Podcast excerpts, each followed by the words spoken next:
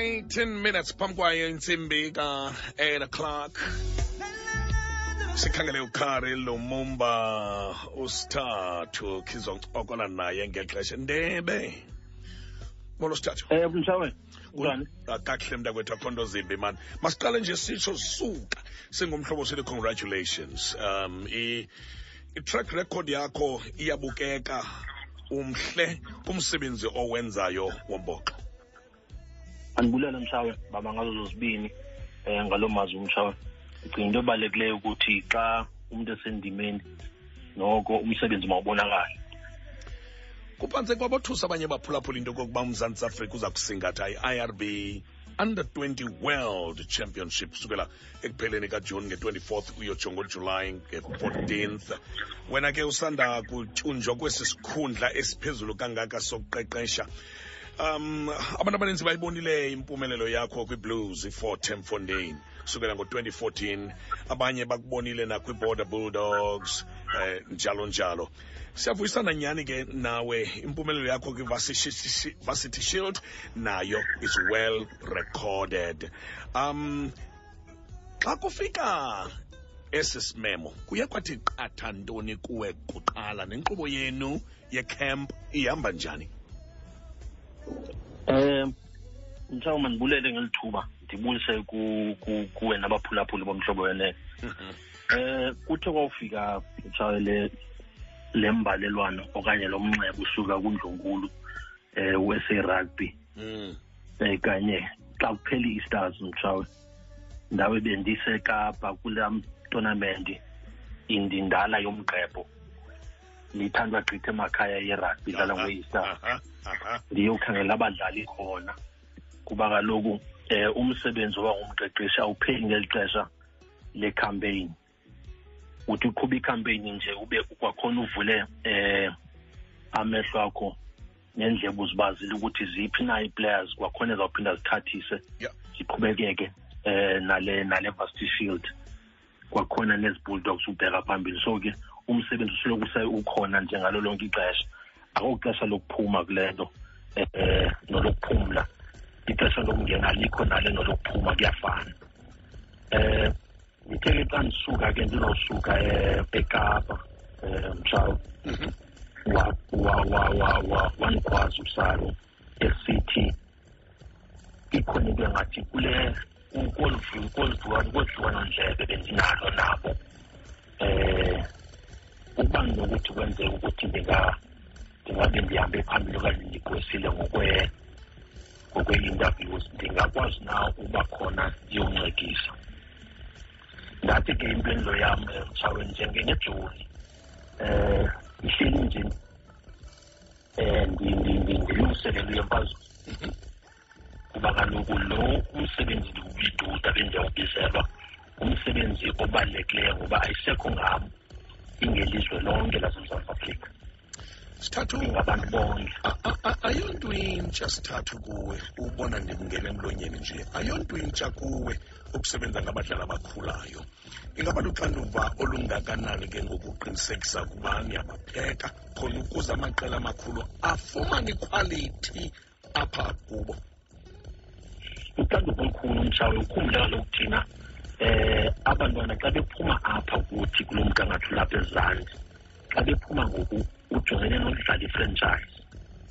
Isathi uya kwi- kwi-u r c uya kwi-heineken cup uya kwi-curry cup uya kula kula european challenge. So umsebenzi omkhulu um mtshawe mninzi kakhulu apha ku-under twenty ngoba kaloku udibana nabafana abanyungu abatshayo abasuka ezikolweni. Mm. bebedlale i-craven week abanye badlala i-sa schools abanye badlala i-sa academy team or saa la under 18 ye- ye- ye-south africa. Kodwa ke kube kukho umsebenzi omninzi eh ongakhange ube wenziwe we-basics. Ngoba kaloku xa ufikelela kweli nqanaba umntana ukuthi usondele ukuthi uyodlala i-test match. Mhm. ngoba kaloku i-world cup yona nje iyodwa le under twenty. Zii-test matches. So ngoku eyona nto siyisebenza kakhulu mtsha ukuthi kubantwana ii-fundamentals zinga ibe zizonto bakwazi uzenza kakhulu. Yeah. ngaphezu loba kuthiwe sibhizi sisebenzana neplani yethu esawudlala ngayo kodwa umsebenzi we-basics asinawo. Umzekelo mtshawe uba sukwazi upasa usukela e- e- e- ekunxele uya ngasekunene yingxaki leyo. ingxaki leyo. Yingxaki leyo uthetha ukuthi loo plan sinayo ngeke iphumelele. So kunyanzelekile ke ngoku sisebenze ezo fundamentals Yeah. mna ke njenge-forward line coach ndibhizi kakhulu ndilungisana nabafana kwindlela yojampa kwi-line out Mhm. indlela yo- yo- yowuphakamisa kwi-line out nokujula kwi-line out mtshawe nendlela esawududula ngayo sikwazi ufumana eh amanqaku ngoba kaloku i-line out yeyona nto eh sijonge kuyo kakhulu sigxile kuyo kakhulu ukusetela i- i- i- i- i-platform yo- yohlaselo sithathu make sonde lapha kule kule nkampu yendebe yehlabathi le world championship ye-under 20s so dibene nabadlali bakho ke ngoku ziqala nini iiprogram zakho? Ndiyafuna nje into yoba ukusirhobise mhlawumbi uh, kweli cala le-preparation ngoba xa udibana udibana nesi sibhilivana ngoku laa nto ichaza into yokuba ixesha alisekho. Al- al- alisekho mtshawe eh sidibene mtshawe nge ngo-april kulaa veki kanye um kusandokuphela ngayo i-star ya. Eh ndi ndiripote eh kwasaru ngolwesine chawe kulaa veki. Mhm. babe abadlali bona befike ngo- ngo- ngolwesithathu. Babe befike ngolwesithathu abadlali bona mtshawe kwabe ke eh iprogram ke ngoku kufuneka sileqile. Kuba eh ixesha alikho ngakuthi ngoba ulungiselela i-world cup awuthathi inyanga mtshawe noko. Udinga iinyanga ezintathu Mm. uya kwezine. So into esiyenzileyo ke ngoku ndicinga ukuthi sikwiveki yesithandathu kule veki sikuyo eh sikunye nabadlali. Eh amalungiselelo mtshawe siqalile sakhe kwakule veki inye bendifika ngayo. Eh ndicinga ukuthi kwiveki yesithathu siye sadibana ne neclub kwalapha e- e- apha ekapa i-hamiltons enye yeziklabhu ezinkulu. Ya sadlala ne-hamiltons ke ingumdlalo umdlalo eh wobuhlobo. Eh sasuka kulo mdlalo ke lo mtshawe sazodlala neSimbas naba aba- abamelwana apha i- ile team idlala kumzansi challenge. Mhm. icoachwa ngu- ngujerome barvater no nocarlos khatywa sadlala um- umdlalo wobuhlobo nabo apha estellenbosch eh apho ke ibe yindlela yethu yojonga ukuthi abantu bantu sinabo na ingaba ngamajoni esawukwazi uwathatha siye nawo emfazweni oh yeah. okanye sihleli nje sinabantu zathi xa sibheka thina singabaqeqesha sisenabantu Mm. ibalulekile ke laa nto mtshawe abantu bantu bavi ukuthi iphalisi yabo ibetha njani na yeah. ingaba abashushu okanye badikidiki kuba kaloku kule ndawo sabe sihlala kuyinkulu mtshawe yeah. ya S- sithatha umntwana enkosi xa ndikuyeka isivumelwano sakho nosaru ngalo msebenzi ngowethutyana nje elincinci khona ukuze abalandeli bomsebenzi wakho pha kooforte no- no-bulldogs bakwazi uphinda bakhawuleze bakubone. Okanye mhlambi sivumelwano noko esinomgama othile ukubheka phaa kwiminyaka mhlawumbi. As- asikho side mtshawe kangako. Ya.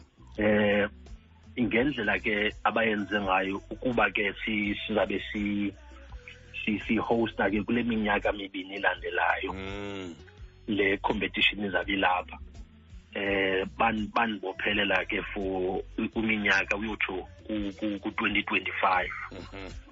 ndicinga ukuthi ke mtshawe ke ngelo xesha umhlawumbi eh noko umuntu yabe sebona ngokuthi kubhekwa ngaphi naxa sofile la kwela xesha. That's right. That's right. Eh nalapho wena mtshawe ukuthi xa ufikelele kweli thuba iyona nto ibalulekileyo ukuthi eh indima yakho mayibonakale.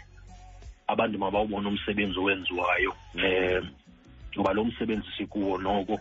Ndidla ngokuthi i-coaching ayo popularity show. Eh i-coaching ifuna ukuthi ukwazi usebenza in in in i-hours ezininzi mtshawe undibamba nje undibamba ndijongene besihlala imatch izolo. Ne-sharks eh edurban mm. besikwi-tour eh esiqale eRhawutini leve kuphele ngolwesine Yeah. sayigqiba izolo edurban eh sidlale ne-lions sohlukana ne-lions sidlala ke sijonga kwakhona abantu ukuthi sinawo nalamajoni sazogqibezela izolo ke eh norhebe ngapha edurban sadlala kakuhle mthawu kuyabonakala ikhona indawo yenu indawo esibheka kuyo kodwa ke kulikhulu efuneka sikwenzile. Sizoba sendaweni ethi um noko ngoku singahamba siyokulwa kodwa ke um ndiyathembisa mthawu nokumsebenzi siwubambile shem andifuni uphosisa um nobafana umhleko nothulani intetha sithathu sithi si- sithi sithi mntwana omhle wuntsu kwakhona thina singumhlobo wenene FM um lo mphulaphuleyo Kari Lumumba uh, usaze ngobuso elizweni. At age 38 into yokokuba abe kanti une-qualification ye-level 3 e-accredited njengomqeqeshi apha emzantsi afrika kusukela phaa ngo-2014 pha kwe- kwe-blues phaya e-14 ngoku ungena kwelinye inqanaba